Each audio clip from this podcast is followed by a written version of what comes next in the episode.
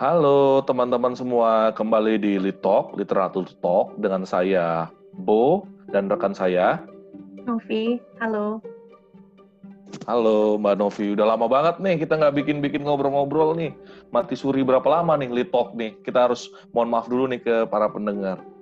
Kayaknya udah setahun deh terakhir kan waktu pilpres itu. Iya ya, kerasa banget ya mati suri ini. Akhirnya nunggu sampai ada COVID kayak gitu. Saya pribadi juga nunggu apa namanya momen disentil baru inget wah udah nggak produktif nih kayaknya harus produktif lagi nih kayak Iya. gitu. Eh, Terus WFH dulu kayaknya baru bisa rekaman. Iya, masa nunggu apa namanya ada PSBB gitu sekarang pembatasan sosial berskala besar. Tapi ginilah Mbak Novi, maksudnya kita udah apa namanya udah lagi WFH, lagi COVID kayak gini, walaupun kita terkurung di rumah masing-masing, tapi kita harus lebih produktif ya nggak? Setuju nggak? Jadi mungkin Setuju, kita harus lebih komitmen nih. Uh-uh. Harus lebih komitmen nih kita bikin apa namanya bikin litok kayak gitu.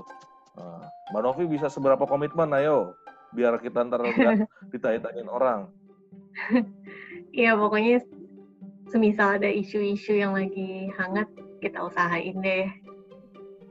Sip. Uh, seminggu sekali, dua minggu seka- eh, dua minggu sekali, atau seminggu dua kali. Seberani Bentar, apa coba? Kita harus bikin dulu. komitmen nih. Baru mulai gimana? dulu. Coba aja dulu satu episode ini. Oh gitu.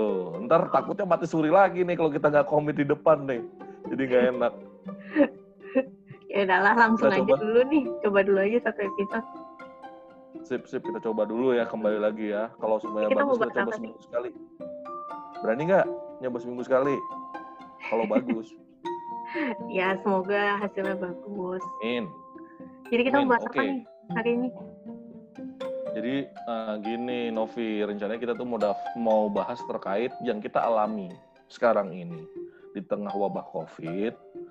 Pemerintah tuh menetapkan yang namanya pembatasan sosial berskala besar. Dan berhubung kita juga berhubung kita juga lagi WFH sekarang-sekarang ini, sehingga mungkin materinya banyak kan ya sambil diskusi kala-kala WFH dalam kondisi PSBB ini pembatasan sosial berskala besar kayak gitu. Aku nggak ngerti sebenarnya orang-orang tuh pada apa ya namanya familiar nggak dengan PSBB itu sendiri kayak gitu.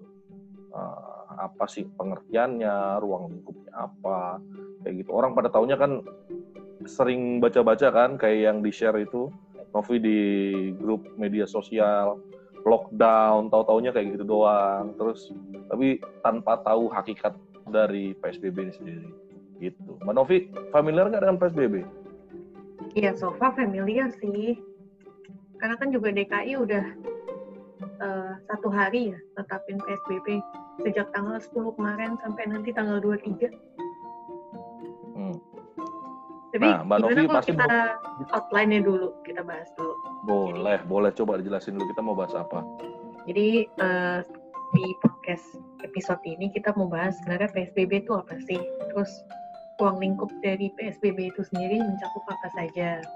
Terus juga eh, kegiatan apa saja yang boleh dan tidak boleh dilakukan selama PSBB, terus poin-poinnya apa saja, dan juga bagaimana situasi PSBB di DKI ini dan apa yang akan terjadi selanjutnya. Kayaknya itu sih yang mau kita bahas di episode kali ini. Wah, keren banget nih. Bagus banget nih untuk pembukaan. Mana WFA, PSBB, langsung di-approach sama Mbak Novi terkait definisi ruang lingkup sampai apa current discussion-nya. Paling gini Mbak Novi ini kan apa namanya udahlah kita sebagai halayak umum ya masyarakat rakyat jelata Jakarta kayak gitu. Terus kalau Mbak Novi sendiri kayaknya belum baca banyak terkait peraturan kan tentunya karena apa namanya ya rakyat rakyat ngapain kayak kita gitu baca peraturan. Nah, kalau ada yang kalau yang ada di kepalanya Mbak Novi, PSBB itu apa sih maksudnya? Yang kepikirannya apa? Nggak usah pakai peraturan dulu, nanti aku coba ngeri per peraturan. apa ya sebenarnya kalau menurutku pribadi sih eh, pemerintah tuh nggak ber- berusaha mengambil langkah moderat karena karena apa? Karena kalau lockdown sendiri kayaknya juga banyak tantangannya. Tapi kalau nggak ada dibatasi juga takutnya nanti penyebarannya semakin parah. Jadi ya sebenarnya ya udah pembatasan sosial aja berskala besar. Sebenarnya lebih kayak karantina tapi skala besar sih menurutku. Jadi kayak moderat lah wah keren banget tuh poin poin apa masyarakat awam. Tapi kayaknya ini curang nih masyarakatnya kurang terlalu awam kalau suaranya dari Mbak Novi. Kayak udah apa ya ada gambarannya kayak tapi biar lebih bener gini deh aku juga nggak lebih tahu sebenarnya daripada Mbak Novi. Cuma kita coba refer peraturannya aja ya, coba kita baca kayak gitu. Jadi gini, biar semua pendengar juga pada tahu kalau di Indonesia itu kan apa namanya sebuah kebijakan itu pasti ada apa azas legalnya, dasar hukumnya. Sebenarnya yang Novi sempat share itu terkait apa yang boleh dan tidak boleh, semacam itu tuh tertuang di peraturan Menteri Kesehatan nah, terkait pelaksanaan PSBB itu sendiri. Nah, sebelum sampai ke situ, ada yang namanya peraturan pemerintah, rujukan dari peraturan Menteri Kesehatan itu, yaitu di atasnya. Di atasnya lagi ada yang namanya undang-undang. Nah, undang-undangnya kalau nggak salah itu namanya Undang-Undang 6 2018 atau 2008 ya, bentar coba saya cek. Uh, ya UU 6 tahun 2018 itu terkait kekarantinaan kesehatan. Betul banget, kekarantinaan kesehatan. Nah, di bawah undang-undang itu disebut tuh ada yang namanya karantina wilayah, eh, pembatasan sosial berskala besar, dan lain sebagainya. Uh, tapi kita fokus ke uh, pembatasan sosial berskala besar ini yang udah di oleh Pak Jokowi itu sendiri. Itu rujukannya dari turunan UU tersebut, yaitu PP atau Peraturan Pemerintah nomor 21 tahun 2020. Di situ dijelaskan yang namanya uh, PSBB dalam peraturan pemerintah ini yang dimaksud dengan pembatasan sosial berskala besar adalah pembatasan kegiatan tertentu penduduk dalam suatu wilayah yang diduga terinfeksi coronavirus disease 2019 atau COVID-19 sedemikian rupa untuk mencegah kemungkinan penyebaran COVID-19 sehingga intinya adalah kegiatan dari masyarakat penduduk dalam satu wilayah terinfeksi COVID itu dibatasi uh, dalam upaya mencegah penyebaran yang lebih luas, baik di wilayah tersebut ataupun keluar kayak gitu. Nah, dari apa namanya yang dimaksud pembatasan sosial berskala besar ini, Mbak Novi, itu harus memenuhi uh, beberapa kriteria, yaitu kalau kita refer apa namanya uh, kita refer pada PP ini di pasal 3-nya disebutkan pembatasan sosial berskala besar harus memenuhi kriteria sebagai berikut. A. Jumlah kasus dan atau jumlah kematian akibat penyakit meningkat dan menyebar secara signifikan dan cepat ke beberapa wilayah. Dan B, terdapat kaitan epidemiologis dan kejadian serupa di wilayah atau negara lain. Nah, dalam konteks ini, kita bisa lihat tuh gimana sebenarnya uh, gimana sebenarnya terkait COVID-19 ini kita bisa melihat bahwa sebenarnya jumlah kasus itu kan terus ini ya naik banget ya, pricing banget di Jakarta dan Indonesia. Kayak bisa naik lebih dari 150, kayak gitu-gitu. Apalagi sudah diterapkan yang namanya ini apa namanya rapid test oleh Pak Presiden kayak gitu dan itu juga yang terjadi di banyak negara lain atau epicentrum terbesar sekarang kan ada di Amerika yang jumlahnya udah banyak banget puluhan ribu kayak gitu atau ratusan ribu sehingga ya itu dianggap pandemi kayak gitu. Terus pasal empatnya ada juga yang harus dikedepankan. Pembatasan sosial berskala besar itu paling sedikit meliputi apa? Meliputi tiga hal. Liburan sekolah dan tempat kerja. B. Pembatasan kegiatan keagamaan. Atau C. Pembatasan kegiatan di, di tempat atau fasilitas umum. Nah, specifically on that thing, mungkin Mbak Novi, apa namanya, sebelum lanjut untuk menceritakan eh, materi-materi uh, yang ada di apa namanya terkait apa yang boleh dan tidak boleh mungkin Mbak Novi ada tambahan yang pengen didiskusikan dari apa namanya definisi dan ruang lingkup ini. Hmm, sebenarnya aku lebih ke pengen tahu aja sih kenapa sih disebutnya pembatasan sosial berskala besar. Coba nih dari orang pemerintahan. Waduh, saya bukan orang pemerintahan, Mbak. Saya rakyat jelata kayak gitu. Jadi intinya adalah uh, nggak ngerti ya ini konteksnya benar atau salah kayak gitu. Yang jelas even apa namanya World Health Organization yang awalnya merilis kan social distancing namanya kayak gitu social distancing. However makin ke sini itu sifatnya sebenarnya lebih ke physical distancing sehingga kenapa mungkin kenapa katanya sosial itu agak kurang tepat ya tapi ya udahlah. Mungkin itu di apa sudah dijadikan peraturan lebih dulu tapi yang penting kita tahu konteksnya. Konteksnya adalah kegiatan-kegiatan itu dibatasi. Kayak gitu kegiatan sosial. Karena khawatir kalau kata pembatasan sosial apa orang nggak boleh berinteraksi? Bisa. Kayak kita ini kan lagi melakukan interaksi sosial kan sebenarnya. Tapi maksudnya kegiatan sosial secara fisik berkerumun kayak gitu yang dibatasi. Skala besar maksudnya apa berarti kegiatan sosial itu tidak hanya di satu RT RW tapi di skala yang lebih besar kayak gitu dan jenis-jenis kegiatan sosial yang apa namanya dibatasi juga lebih banyak kayak dulu misalnya uh, cuman dibatasi nggak boleh ngumpul di rumah makan atau tempat nongkrong. Tapi gara-gara ini menjadi pandemi lebih luas, maka even di transportasi umum, kayak gitu tempat duduknya dibatasi. Jam operasinya dibatasi. Di kantor dikurangin jam operasinya. Skalanya besar, meluas ke mana aja. Even kegiatan ibadah karena maksudnya tentu bukan melarang ibadahnya, karena ibadah tentu kita bisa lakukan tetap dan wajib uh, di apa namanya di rumah masing-masing, tetapi kegiatan berkumpulnya yang harus di apa namanya batasi. Kenapa? Karena apa namanya virus itu, nah ini pasti fortenya Mbak Novi nih ngomong-ngomong virus. Nah, virus itu setahu saya gampang banget menyebarnya, apalagi kalau sudah berkerumun. Bener nggak, Mbak Novi? Gimana sih gambarannya? Coba dong dikasih tahu yang anak biologi kayak gitu. setahu saya, virusnya itu menyebarnya melalui droplet. Uh. Droplet ketika ada orang batuk uh. dan bersin dari jarak dekat, misalnya sebelahan. Dan itu terhirup. Uh. Setahu saya begitu. Jadi makanya kenapa dibuat pembatasan adanya physical distancing minimal 6 feet atau 1 meter.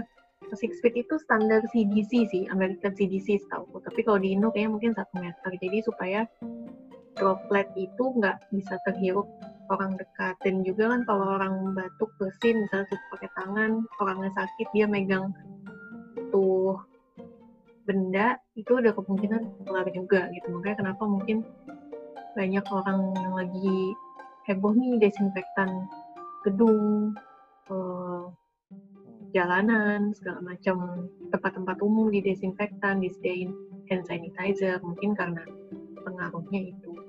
Jadi virus ini menular melalui droplet sih. Jadi bukan, setahuku sih bukan dia air, air apa ya, airborne ya. Jadi bukan dia bisa melayang-layang, tapi dia melayang ketika ada orang batuk dan bersin melalui droplet Airborne. itu aku gitu sih. Tadi aku baru aja mau nanya pertanyaan bodoh terkait airborne tapi udah dijawab kayaknya Mbak Nafi read my mind dan kebanyakan sosi society masyarakat berpikir hal itu. Oh ternyata emang di droplet ya bukan dia melayang-layang dari droplet tapi satu meter tuh khawatir tetap muncrat gitu kan Mbak gambarannya. Betul. Sehingga apa namanya orang ngomong atau apa sebenarnya itu mekanismenya gitu ya. Okay. Misalnya saya amit-amit okay. menderita COVID nih. Mungkin gitu misalnya saya amit-amit menderita COVID, saya hmm. batuk, bersin, tutup pakai tangan, nggak cuci tangan, salaman sama orang, terus orang itu nyentuh mata, nyentuh hidung, nyentuh mulut, nah itu bisa tertular. Makanya kenapa lagi digalakin banget kan namanya kampanye cuci tangan minimal 20 detik, pakai masker, khususnya baik yang sakit maupun yang nggak sakit. Kenapa kalau oh. pakai masker kan untuk yang sakit mencegah dropletnya itu ke mana-mana. Kalau untuk yang sehat mencegah kita menyentuh area hidung, mulut, atau mata kayak gitu. Oke. Tapi correct me if I'm wrong ya. Apa tuh? Correct me if I'm wrong. Itu cuma dari hasil baca-baca aja selama ini. Itu dari pengamatan apa uh, pakar virologi junior. Kayak gitu. Karena saya nggak paham virus sama sekali. Saya lebih khawatir terinfeksi sama ya kayak gitulah. Tapi makasih banget Mbak Novi gambarannya. Moga-moga ini mengedukasi orang juga yang dengar terkait apa namanya terkait uh, COVID ini sendiri dan penanganannya. Jadi intinya ya so, apa distancing jalan nggak berdekatan atau pakai masker bukan sombong bukan apa because I care about others and other cares about you kayak gitu kan posisinya kan Betul. Betul banget. Jadi ya udah kayak gitu. Oke, apa setelah ini Mbak Novi katanya ada materi yang pengen coba dibahas terkait PSBB ini karena kan banyak orang yang apa namanya nggak terlalu tahu nih PSBB oh tadi udah dikasih tahu definisinya oh kegiatan skala besar biar nggak menyebar intinya kayak gitu sekarang apa sih dari penetapan PSBB ini berdasarkan uh, peraturan Menteri Kesehatan nomor 9 tahun 2020 ini tentang pedoman pembatasan sosial berskala besar itu uh, satu apa uh, uh, gimana alurnya kemudian paling utama kayak kegiatan-kegiatan apa yang boleh dan tidak boleh dilakukan masyarakat kind of bingung juga sebenarnya Mbak Novi. Kayaknya perlu banget nih Mbak Novi sambil cerita-cerita kayak gitu. Kita tergantian saling berdiskusi poin-poinnya juga kayak gitu. Before kita further discussion ya kayak gitu untuk diskusi yang lebih besar terkait current situation dan current condition. Gitu Mbak Novi silakan. Uh, mungkin aku coba mulai dari gambaran besar alurnya kali ya. Jadi suatu daerah itu bisa mengajukan untuk pemberlakuan PSBB itu ke mana? Eh, nanti muaranya ke Menteri Kesehatan. Atas apa dasar pengajuannya? Adanya satu jumlah kasus dan kematian dan juga adanya epidemiologis di tempat lain. Jadi nggak bisa nih suatu daerah langsung netapin misalnya eh, Bandung, oh gue mau PSBB nggak bisa, harus disetujuin oleh Menteri Kesehatan dulu gitu dan uh, selain dasar pengajuan tadi dan data-data pendukung misalnya peningkatan kasus, penyebaran dan peta penyebarannya, kejadian transmisi lokal, dan daerah itu harus siap dulu nih untuk PSBB. Apa aja sih syaratnya itu? Syaratnya itu eh, salah dari ketersediaan hidup dasar, misalnya mungkin bahan pangan, eh, nakesnya gimana, anggarannya gimana, operasionalisasinya gimana, sampai ke keamanannya. Karena nggak mungkin dong kita langsung mau PSBB tapi nggak siap untuk mendukung warganya itu. Nah, itu dan tadi kan udah ya ditetapkan oleh Menteri Kesehatan data-datanya apa, prosesnya juga nanti si Pak Menteri ini nanti akan bentuk tim untuk mengkaji permohonan dari kepala daerahnya tersebut. Nanti Ya, Menteri ini menetapkan PSBB paling lama dua hari sejak diterimanya permohonan penetapan. Nah, apabila suatu daerah tidak memenuhi kriteria juga status PSBB ini juga dapat dicabut juga gitu. Itu sih kalau dari alurnya. Aku mungkin um, nambahin dikit aja, Mbak Novi. Berarti kalau kayak gitu ada pertimbangan tadi kata Mbak Novi kayak pangannya gimana, keamanannya gimana, even kondisi kayak apa namanya seberapa layak atau pantas untuk diterapkan sebagai PSBB saja diakses lagi oleh Menkesnya. Jadi nggak nggak sembarangan gitu ya Mbak Novia. Jadi kalau semuanya belum benar-benar pandemi, kalau coba diajuin PSBB juga bisa jadi nggak nggak apa namanya nggak lolos gitu kan, nggak bisa gitu kan. Betul betul. Jadi nanti uh, dari daerah ini ke mengajukan ke menteri, tapi juga menteri punya tim pertimbangan ya nanti memberikan rekomendasi kepada Pak Menteri gitu. Koordinasinya dengan gugus tugas daerah. Jadi menurutku sih alur pengajuannya udah cukup baik ya. Jadi uh, alurnya jelas sih kalau daerah mesti ke mana, terus apa aja yang mesti syarat-syaratnya gitu. Oke, aku uh, makasih banget nih dari penjelasannya Mbak Novi. Artinya ini sebenarnya banyak mengedukasi masyarakat juga kalau sumamanya apa namanya? Satu jangan panik kalau ditetapkan PSBB kayak gitu.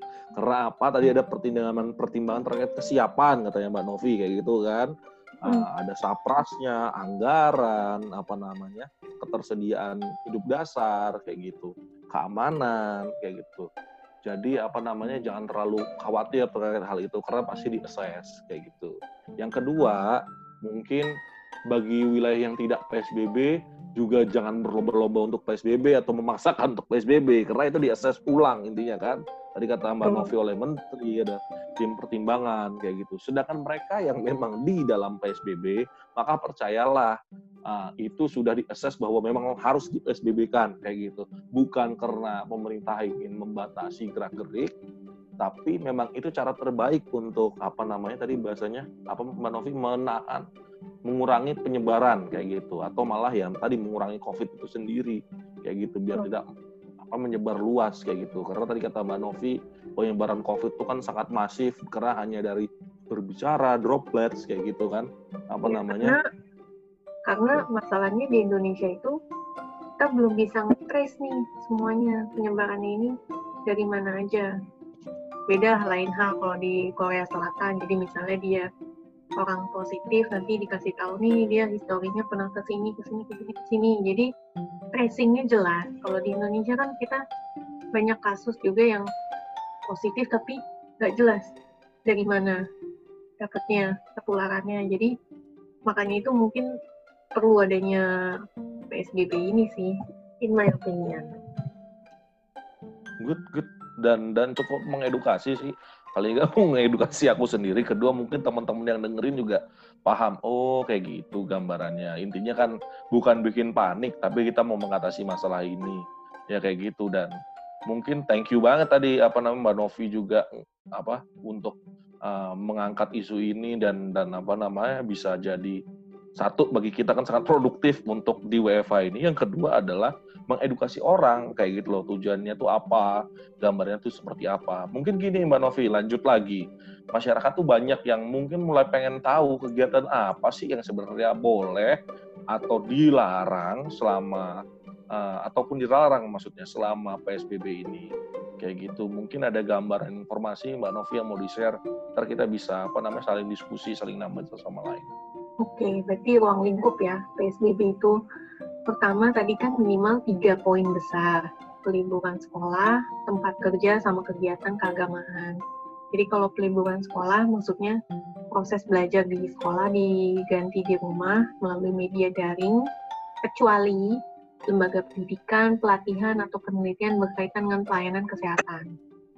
Lalu peliburan tempat kerja, jadi semua WFH kecuali TNI Polri yang berkaitan dengan pangan, BBM, kesehatan, ekonomi, keuangan, komunikasi, industri, ekspor impor, distribusi, logistik, dan kebutuhan dasar lainnya, termasuk juga yang misalnya yang memproduksi masker atau hand sanitizer atau uh, sabun itu nggak diliburkan gitu.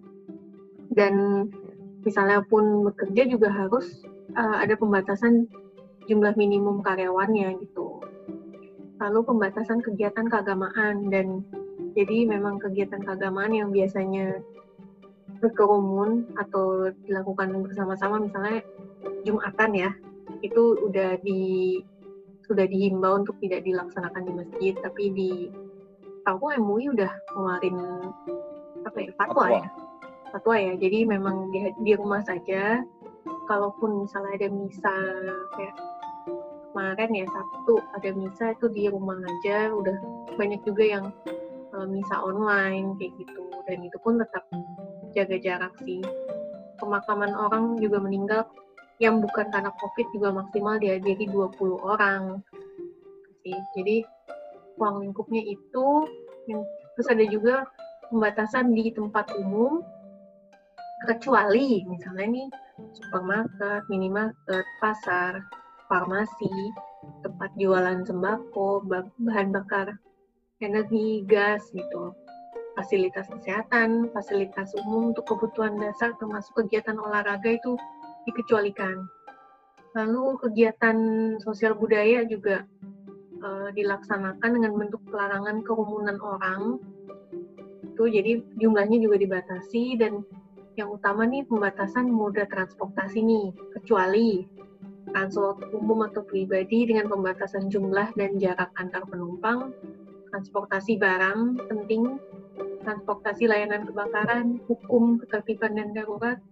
Uh, kalau stasiun gimana? Stasiun, bandara, pelabuhan kargo, uh, bantuan evakuasi dan organisasi operasional tetap berjalan. Itu sih ruang lingkupnya. Kalau okay. aspek keamanan uh, tetap dilaksanakan dengan pembatasan kerumunan orang kecuali kegiatan operasi militer atau Polri, misalnya operasi terpusat dan kewilayahan, atau operasi yang mendukung gugus tugas COVID-19 atau ya rutin kepolisian. Dan juga uh, itu sih ruang lingkupnya sih. Nanti detailnya bisa kita bahas lagi sih masing-masing. Oke mungkin sambil ngobrol nih Mbak Novi yang dijelasin. Boleh ke tadi slide 6 apa slide 5 lagi nggak Mbak Novi? Ke materi yang tadi Mbak Novi bacain.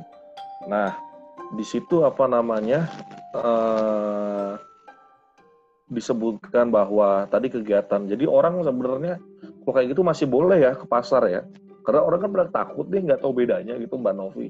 Tapi dari sini kan jelas bahwa sebenarnya kegiatan itu banyak yang dibolehkan ya gitu.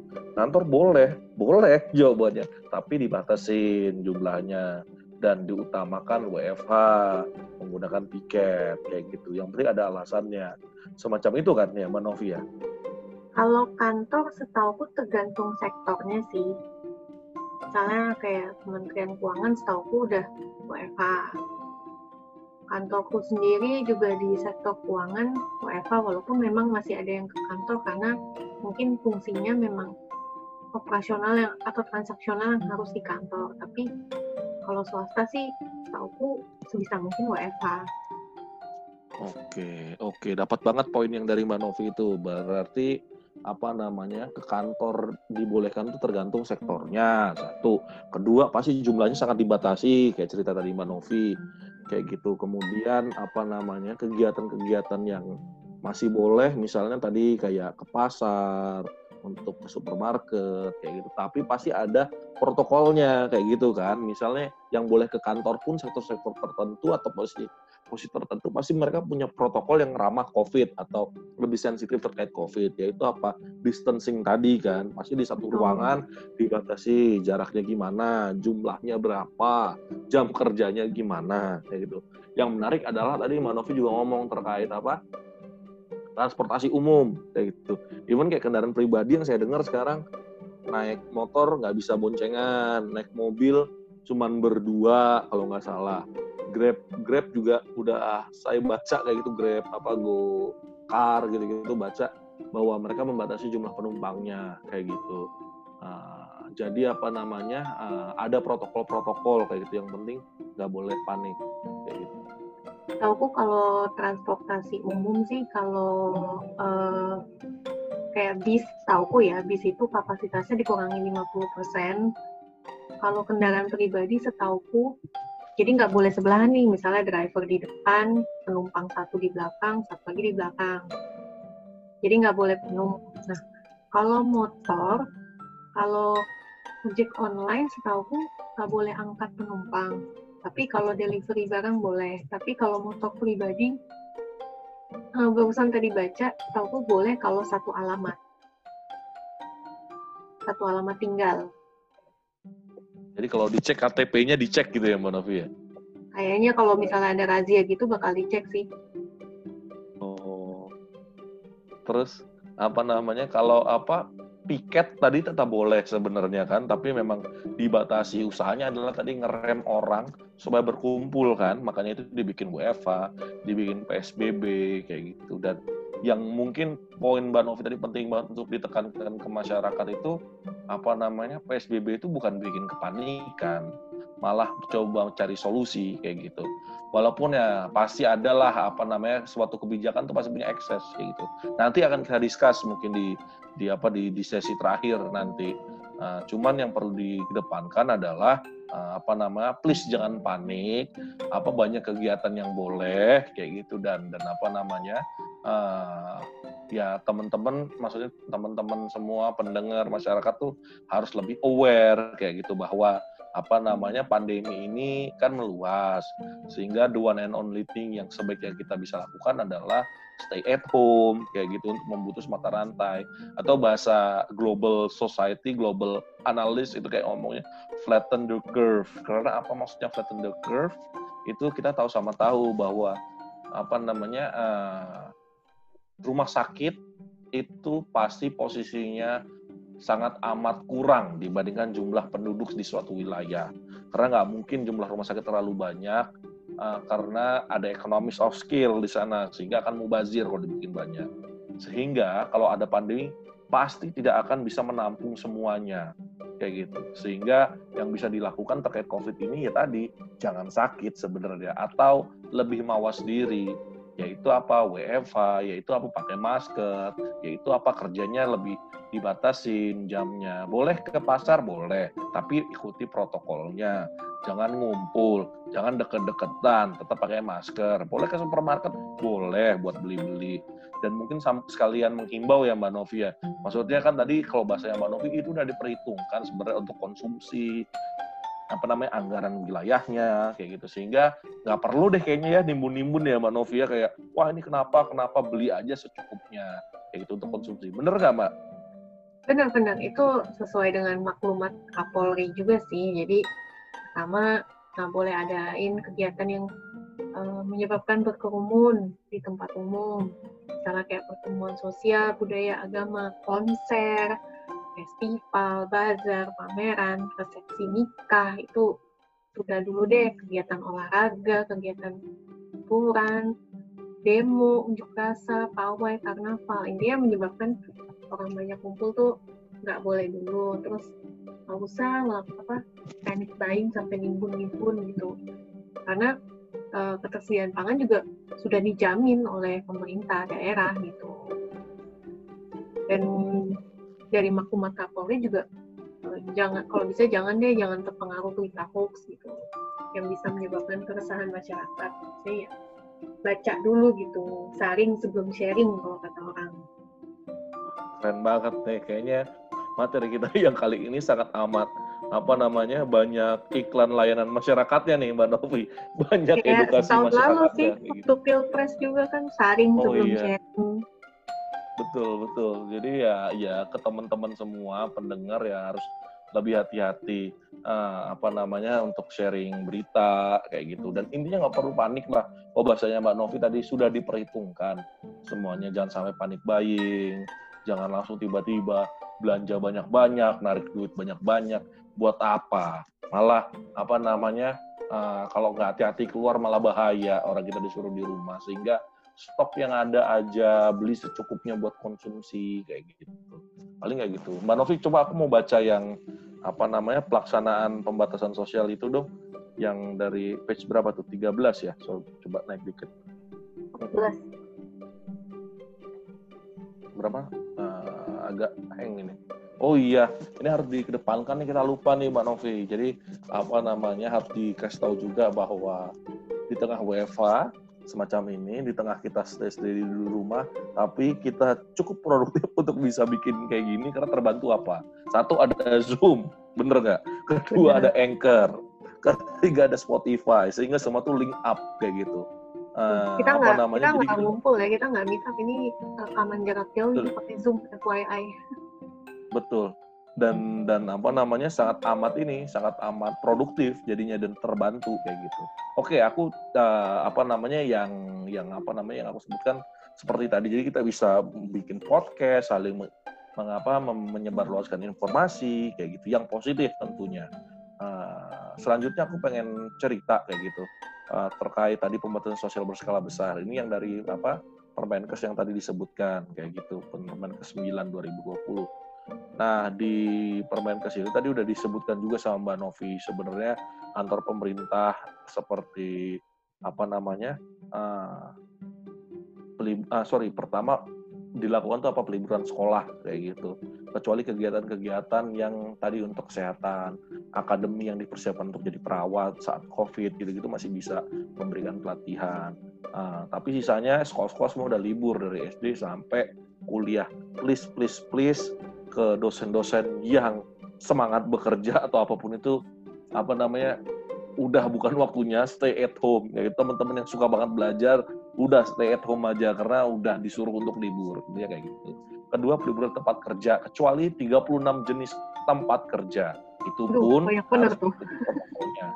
betul kayak gitu tadi kantor pemerintah terkait terkait apa namanya kepolisian ataupun tentara nasional, Bank Indonesia, uh, utilitas publik itu kayak bandara udara, pusat distribusi logistik, telekomunikasi, minyak dan gas bumi, listrik, dan sanitasi, kemudian pembangkit listrik uh, unit transmisi, kantor pos, pemadam kebakaran, pusat informatika, lembaga pemasyarakatan, bea cukai di pelabuhan, karantina hewan masih buka, kantor pajak masih buka, lembaga dan badan bertanggung jawab terkait bencana dan peringatan dini masih buka, unit yang bertanggung jawab mengoperasikan memelihara kebun binatang masih buka karena kalau enggak binatangnya nggak bisa makan dong kayak gitu.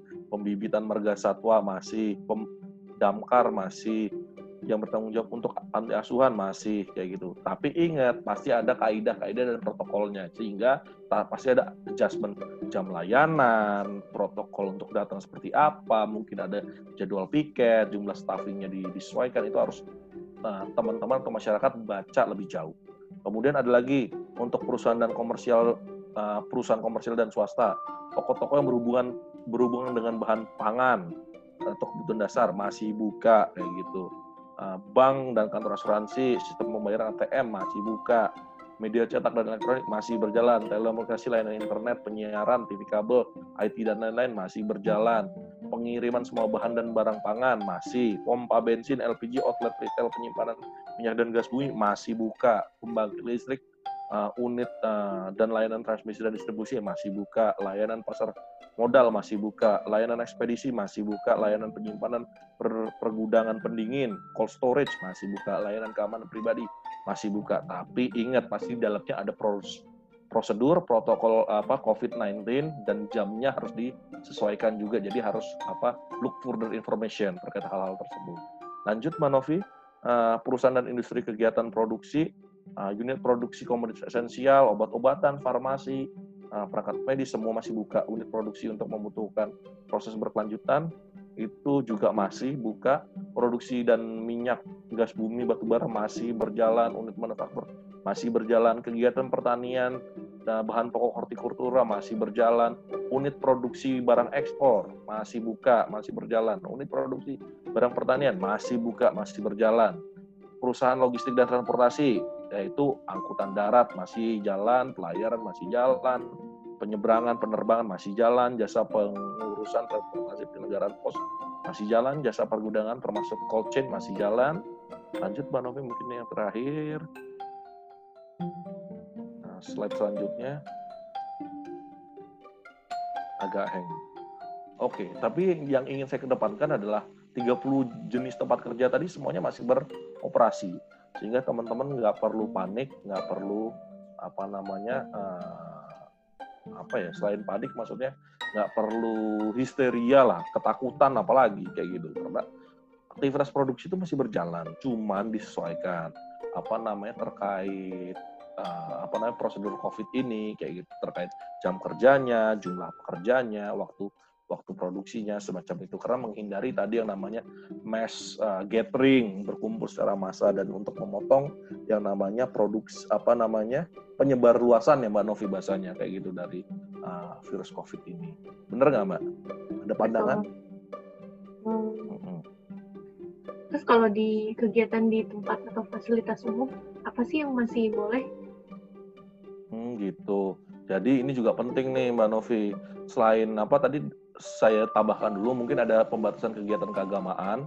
Itu apa namanya yang tadi orang meninggal jumlahnya tidak lebih dari 20 tidak lagi melakukan kumpul di apa namanya di rumah ibadah semua tempat ibadah harus tutup untuk umum. Tapi tidak bukan berarti tidak boleh beribadah tetap bisa beribadah kayak gitu tapi di rumah masing-masing. Nah eh, tambahannya tadi kegiatan di tempat umum atau fasilitas umum itu contohnya adalah supermarket Mbak Novi uh, minimarket, pasar, toko, tempat beli obat, apa nama farmasi, uh, itu tempat barang-barang untuk membeli kebutuhan pokok, uh, bahan bakar itu semua masih buka. Tapi please dicek atau apa namanya ditanyakan lagi prosedur COVID. Kayak gitu artinya apa harus ngikutin kondisi-kondisi gimana yang ramah COVID, yaitu tidak berdekatan tadi, semacam itu.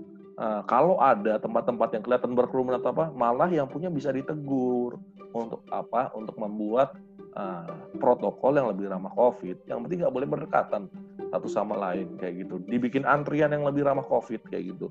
Di, di banyak tempat di negara maju juga dilakukan demikian kayak gitu. Lebih kesadar kayak gitu. Uh, physical distancing buka, bukan karena I I scare about you, tapi because I care about you. So, pakai masker bukan karena I scare about you, tapi I care about you. Kayak gitu. Jadi, kita saling memperdulikan satu sama lain. Tidak berdekatan, bukan kita membenci, tapi kita menyayangi. Untuk mempercepat apa namanya uh, reduksi penyebar, penyebar uh, mempercepat penurunan uh, penyebar luasan COVID ini kayak gitu atau mempercepat hilangnya COVID kayak gitu di Jakarta. Terus uh, transportasi tadi apa hotel juga dibatasi. Apalagi ya Mbak tadi ya transportasi uh, naik dikit boleh nah. Jasa transportasi juga uh, apa namanya akan dibatasi semua layanan transportasi udara. Uh, sorry ini agak goyang-goyang. Oh sorry tadi pembatasan kegiatan tempat umum ya apa namanya kecuali enam jenis tadi yang lainnya ditutup tapi kalau hotel tempat penginapan homestay masih buka uh, perusahaan waduh tapi masih buka ya, untuk menampung orang-orang yang terdampak staff medis uh, uh. Uh, ini slide-nya agak goyang Mbak Novi bisa naik dikit nggak apa turun malah ya, ya. sorry nah enam itu adalah uh, supermarket tadi fasilitas kesehatan tentu masih buka. Perusahaan yang digunakan untuk fasilitas karantina tentu masih buka. Fasilitas umum untuk sanitasi masih buka. Tempat fasilitas umum untuk memenuhi kebutuhan dasar penduduk lainnya termasuk kegiatan olahraga masih buka tapi harus prosedur ramah COVID. Lanjut uh, nomor 5 uh, eh, pembatasan kegiatan sosial dan budaya nggak boleh ngumpul-ngumpul uh, untuk pertemuan politik, hiburan, akademik, kayak gitu sehingga banyak hal yang dibatasi. Kemudian terakhir pembatasan moda transportasi. Transportasi yang mengangkut penumpang itu jumlahnya tentu dibatasi, jam operasionalnya tentu dibatasi, kayak gitu. Dari apa namanya transportasi yang mengangkut barang juga akan dibatasi kecuali 10 jenis angkutan yaitu angkutan truk untuk medis, eh, kesehatan dan sanitasi, angkutan barang untuk keperluan bahan pokok, angkutan makanan minuman seperti sayur, sayur, buah-buahan yang didistribusikan ke pasar dan supermarket juga masih bisa. Angkutan pengedaran uang tentunya masih bisa, angkutan untuk BBM, BBG masih bisa, angkutan truk barang untuk keperluan distribusi bahan baku masih bisa, untuk keperluan ekspor impor masih bisa, untuk keperluan distribusi barang kiriman, kurir masih bisa, nah, titipan kilat masih bisa, angkutan bus jemputan karyawan industri manufaktur dan assembling masih bisa, angkutan kapal pencintaan masih bisa. Tapi ikuti prosedur ramah COVID lagi-lagi. Nah, nomor tujuh Mbak bisa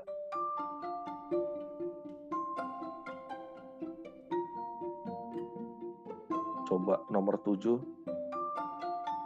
Nah, pembatasan kegiatan lainnya uh, kecuali dua jenis kegiatan kayak gitu. Tadi kan moda transportasi udah di, udah kita sebutkan bahwa operasi kereta api, pelabuhan dan kawan-kawan tetap berjalan, tapi apa namanya tentu dibatasi jumlahnya dan ada prosedur ramah COVID-nya kayak gitu. Uh, untuk apa kalau yang untuk kebakaran, layanan umum, ketertiban itu tentu tetap berjalan atau atau layanan darurat tentu tetap berjalan. Dan terakhir pembatasan lainnya pembatasan kegiatan lainnya khusus terkait aspek pertahanan dan keamanan kecuali kegiatan operasi militer dan operasi Polri. Jadi tetap operasi militer maksudnya bukan perang ya biar teman-teman nggak panik juga dengerinnya. Tapi misalnya untuk membantu menertibkan apa membantu memberikan sosialisasi agar masyarakat itu paham. Jadi dari semua penjelasan ini kita paham itu satu hal bahwa sebenarnya PSBB itu diberikan agar kita tahu sama tahu kayak gitu PSBB ini diberikan dilaksanakan agar apa namanya uh, kita care sesama lain PSBB diberikan agar COVID bisa ditanggulangi dengan lebih baik dan lebih cepat. Dan yang penting nggak boleh panik karena banyak operasi yang masih berapa beroperasi banyak sorry industri banyak kegiatan yang masih boleh diperbolehkan tapi tetap harus tahu prosedur ramah COVID-nya dan kegiatan-kegiatan lainnya yang tidak dibenarkan seperti berkumpul apa nama ya udah selama ini kita pending dulu kita stay di rumah kayak gitu bener nggak Mbak Novi? Setuju setuju. Oke, selanjutnya mungkin Mbak Novi mau diskusi lebih lanjut nih terkait karena kondisinya di Jakarta atau dampak dari PSBB tadi. Tadi kan kita udah ngomong bahwa PSBB ini salah satu langkah yang udah diambil pemerintah dan cukup baik. Tapi seperti saya bilang, namanya kebijakan itu tidak ada yang nggak punya apa yang namanya uh, downside kayak gitu, sisi sisi yang kurang uh, apa sisi yang harus diperbaiki kayak gitu. Sehingga apa sih kira-kira current situation yang Mbak Novi mau diskusikan? Monggo silahkan. Um, mungkin kita lebih ke bahas situasi PSBB di DKI ya, catatan-catatannya gitu yang kayaknya masih harus diimprove nih gitu. Berdasarkan dari berita dari detik, jadi pertama itu banyak warga Jakarta yang belum tahu nih aturan PSBB. Gitu. Misalnya naik kendaraan umum, eh, naik kendaraan pribadi dengan jumlahnya banyak, padahal harus dibatasi atau tidak memakai masker saat keluar rumah. Gitu. Bahkan dengar cerita dari temen juga uh, mau jogging keluar rumah pun tetap harus pakai masker gitu. Terus sih satu mungkin dari uh, awareness masyarakatnya juga belum terlalu tinggi yang kedua itu uh, salah satu kesulitan dalam PSBB ini memantau warga yang tinggal di pemukiman padat penduduk. Nah, di sini mereka mau kerja sama sama RT RW sih. Jadi terutama di karena kan uh, mungkin jumlahnya banyak dan akses atau apa nanti harusnya sih ada sosialisasi ke RT RW masing-masing untuk PSBB 14 hari ke depan ini gitu. Nah, uh, nggak cuma di Jakarta doang, tapi titik-titik sekitar Jakarta seperti Bekasi itu juga dipantau nih oleh Pemkot Bekasi. Misalnya di daerah Kalimalang, Bintara, di tol, di stasiun, di terminal gitu. Jadi karena kan DKI Jakarta nih nggak cuma DKI Jakarta doang, tapi kan justru banyak padat tuh di sekitarnya di Bodetabek gitu. Jadi uh, nggak cuma epicentrumnya nggak nggak akan cuma di DKI aja tapi juga di orang yang keluar masuk ke Jakarta itu juga kalau bisa dipantau gitu sih itu sih kalau catatan aku ngeliatnya mm. Di hari Bener banget tuh tadi. Uh, yang Mbak Novi ungkapkan. Nomor satu mungkin Mbak kita udah ngebantu pemerintah sih ya sebenarnya dengan ngobrol kayak gini itu kan membantu mensosialisasikan. Paling nggak apa dari definisi hingga tadi kayak kegiatan yang dilarang sampai kegiatan yang masih boleh sampai apa namanya aware terhadap protokol yang apa namanya ramah COVID. Yang kedua, apa namanya itu udah sebuah bentuk bantuan dan berharap lebih banyak lagi teman-teman yang tadi lagi WFA juga bikin podcast dan menyebarluaskan informasi semacam itu. Kayak gitu.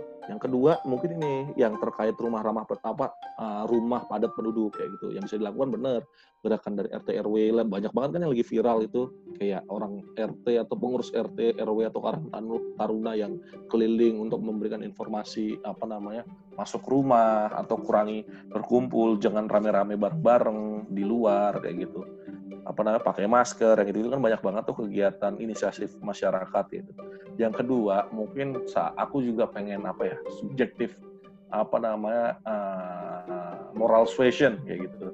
Apa sih moral suasionnya tadi mungkin kan ini kita akan banyak melibatkan apa namanya kepolisian. Saya nggak ngerti apakah sampai TNI juga. Tapi misalnya ke pada pihak-pihak kepolisian juga lebih banyak memberikan sosialisasi karena apa namanya banyak masyarakat tuh belum aware. Kayak kita kayak upaya kita lah bikin kenapa topik pertama yang diangkat PSBB karena most lagi orang nggak aware apa PSBB adanya malah takut lockdown apa namanya atau nih mau ditangkap atau mau didenda gitu-gitu. Sehingga ini coba meluruskan kan kita bikin apa inisiasi diskusi itu. Tapi yang tadi untuk apa namanya Polri misalnya juga bantu untuk melakukan penertiban pengecekan tapi bukan penindakan tentunya. Kalau bisa lebih banyak ngomong ke masyarakat, bukan denda tentunya, bukan hukuman tentunya, tapi diajakin ngobrol bapak, ibu yang berkendara misalnya diberitahu harus menggunakan masker, apa namanya mereka yang duduk-duduk nongkrong-nongkrong di kampung-kampung uh, di wilayah-wilayahnya coba dihimbau untuk tidak berkumpul. Lihat keliling lah intinya kayak gitu. Kerjanya Dem walaupun Polri pun harus menerapkan dengan cara yang ramah uh, COVID juga yaitu dia juga menunjukkan kan bapak polisi biasanya kan selalu menggunakan masker. Mereka sudah paham banget tuh kayak gitu-gituan.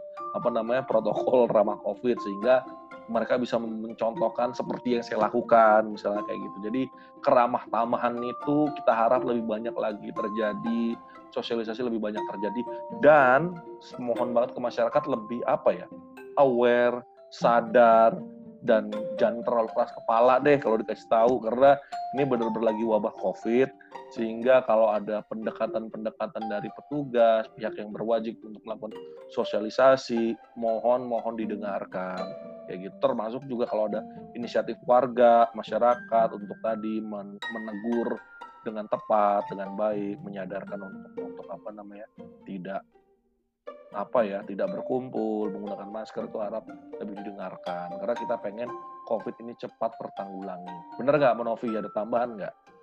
Setuju setuju. Setahu pun juga um, dari Polda Metro Jaya udah mereka tuh udah mendirikan 33 titik pemeriksaan atau checkpoint. Jadi um, memang nggak hanya himbauan doang tapi juga dari polisi juga turun ke lapangan langsung sih untuk dipantau tingkat kepatuhan masyarakatnya gimana.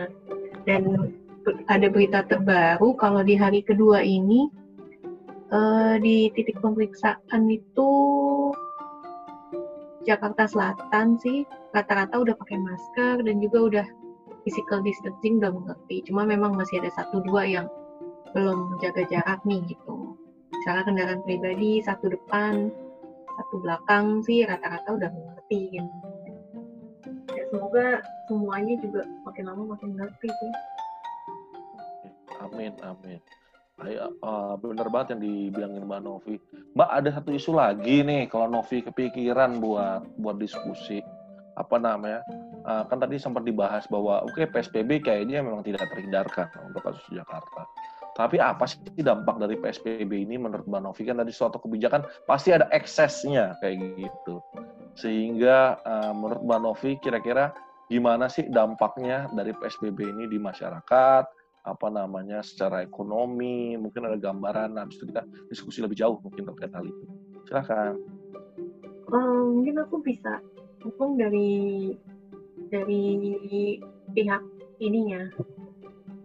Pelaku usaha khususnya kayak restoran, kafe, yang jualan makanan atau minuman. Setauku sih mereka memang pasti secara omset turun. Karena kan udah nggak boleh lagi nih orang makan di tempat tapi juga jadi cuma boleh take away atau delivery gitu. Nah ini kan pasti imbasnya ke ojol juga kan. Jadi memang uh, apa ya pasti pendapatan mereka turun drastis sih. Bahkan dari Grab Indonesia pun juga uh, sempat diskusi di dengan kantor kalau mereka pendapatan mitranya itu memang penurun cukup drastis karena covid ini. Tapi ya untungnya masih bisa delivery. Cuma kan ya tetap aja ketimbang dibanding dengan mitra yang dulu boleh angkat penumpang jauh sih. Aku pernah juga pulang dari kantor sore uh, mitra naik grabcar dia cerita wah ini driver uh, apa penumpang pertama saya nih harian gitu. Itu kan berarti dampaknya signifikan banget gitu. Itu sebelum PSBB ya. Gimana setelah PSBB gitu maksudnya. Iya, aku nambah kayak gini, Mbak. Uh, gini loh, apa namanya disampaikan Novi tadi itu sangat penting untuk kita sadari bahwa PS, PSBB pembatasan sosial berskala besar memang apa namanya uh, harus diambil. Karena kalau enggak gimana lagi? Kalau enggak nanti makin naik lagi makin membahayakan. Tapi namanya setiap kebijakan itu pasti two sided kayak itu. Positif saja tadi untuk ngerem yang namanya hmm, si COVID ini downside-nya mungkin ada hal yang harus kita pikirkan kayak gitu yaitu apa jam jaring pengaman sosial untuk masyarakat-masyarakat yang terdampak kayak gitu. Uh, uh, satu tadi kan ada bahasanya jangan panik kayak gitu ke masyarakat uh, karena tadi banyak yang masih beroperasi ataupun apa. Tapi bagi mereka yang punya pendapatan harian, bagi mereka yang ternyata harus di PHK oleh perusahaan, harus di, uh, bagi mereka yang ternyata di apa namanya mau tidak mau harus kehilangan pendapatan harian, mau tidak mau harus berkurang pendapatan hariannya, mau tidak mau harus misalnya dirumahkan atau malah ter-PHK karena kondisi ini bagaimana. Oleh karena itu, apa namanya, pemerintah itu membuat program. Program banyak banget jaring pengaman sosialnya. mulai dari apa namanya uh, pernah dengar PKH nggak Mbak Novi program keluarga harapan itu basis ya. itu yang basisnya 40% apa keluarga termiskin. Itu uh, berapa persennya yang diambil kayak itu kemudian ada lagi itu diperluas maksudnya programnya. Ada lagi program kartu sembako biar dapat apa namanya uh, informasi lebih kayak gitu. Jadi uh, hal-hal semacam itu biar dapat sorry apa sembako murah kayak gitu ada lagi program penundaan cicilan, banyak lagi program-program lain itu tujuannya untuk membantu masyarakat. Bahkan katanya sekarang kan lagi dipersiapkan DT. Gimana Mbak? Kalau penundaan cicilan ini sih, jadi dari OJK juga udah mengeluarkan stimulus untuk jadi lebih ke restrukturisasi sih, khususnya untuk nasabah yang di bawah dari 10M. Jadi mungkin lebih ke balik ke banknya masing-masing sih. Oke. Okay. Iya semacam itu. Sektor keuangan juga memang sudah khususnya untuk masyarakat informal ya kayak kalau kata arahan presiden kan nelayan, uh, ojek online itu kan pasti terdampak. Hmm. Dan gimana kalau korban PHK ya? Apa bentuk nah. jejaring sosialnya gimana ya? Tahu kan ada kartu prakerja kan? Katanya udah oh, mau di jadi, udah udah di launching atau belum sih? Iya katanya minggu ini mau di launching program kartu prakerja. Tapi kalau untuk pekerja ter PHK ada beberapa. Pertama kesepakatan untuk apa namanya kesepakatan untuk uh, berdasarkan peraturan UU Ketenagakerjaan mereka harus dapat pesangon kayak gitu. Jadi itu ada peraturan tersebut sehingga kalau ter PHK mereka mereka formal itu harusnya dapat pesangon. Yang kedua mereka juga bisa ikut kartu prakerja. Yang lebih bahaya bagaimana kalau mereka adalah pekerja kontrak yang kontraknya sudah habis. Bagaimana kalau mereka pekerja informal? Kan mereka nggak dapat apa jaring pengaman yang pesangon-pesangon tadi maksudnya. Itu kan buat yang formal sektor.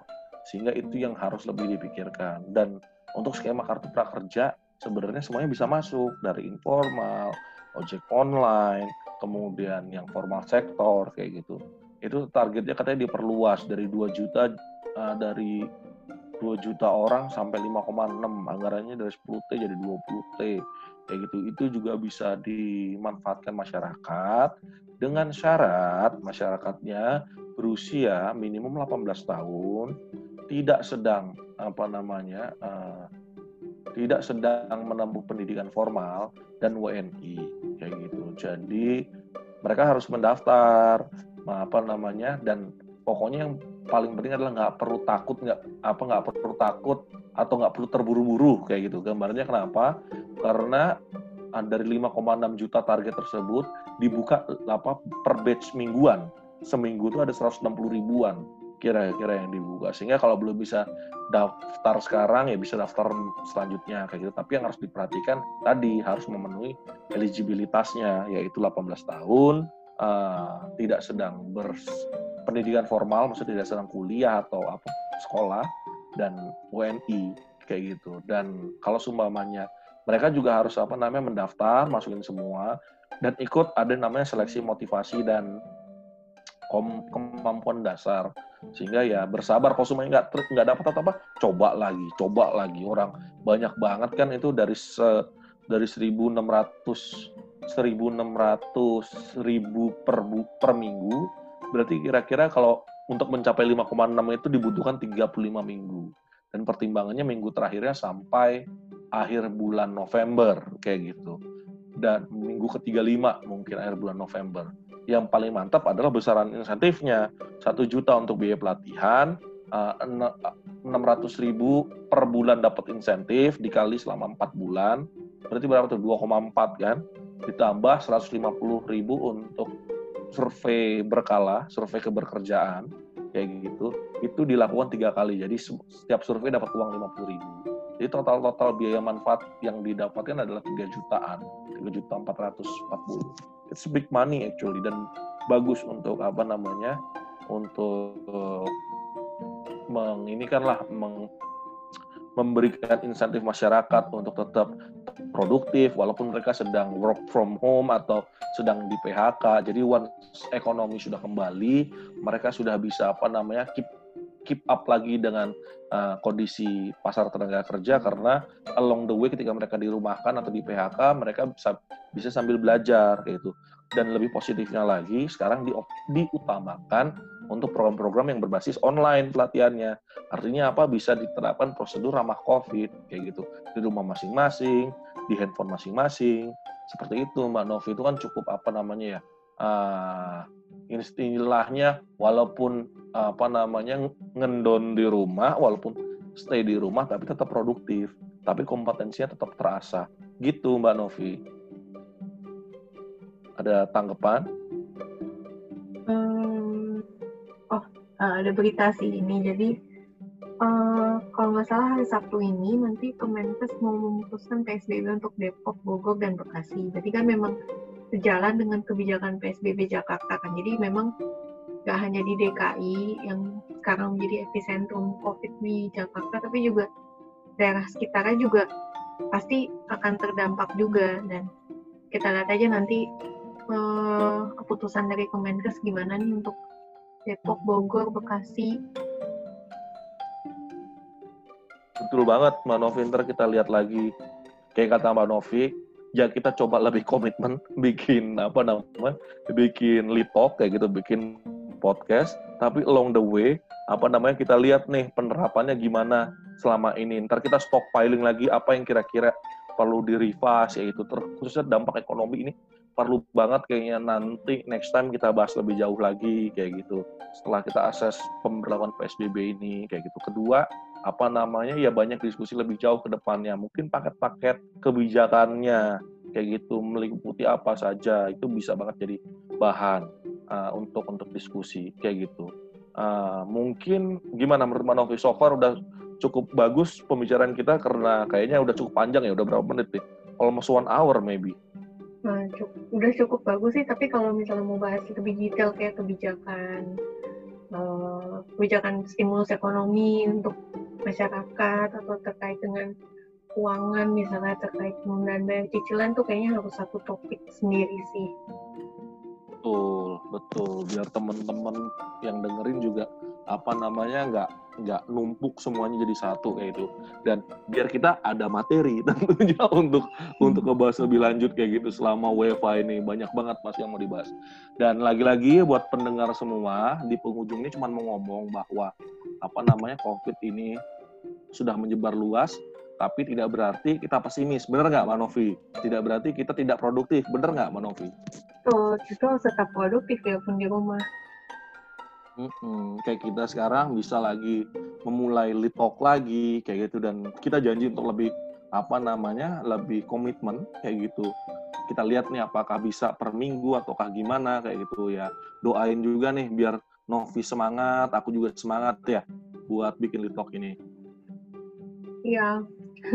Kan balik lagi di awal. Kayaknya justru bisa rekaman lagi WFH gini kalau udah balik ngantor lagi kayaknya susah sih nggak boleh negatif thinking dong. Kita harus semangat dong. Harus komitmen dong. Oke okay, oke. Okay. jangan sampai mati suri lagi nih.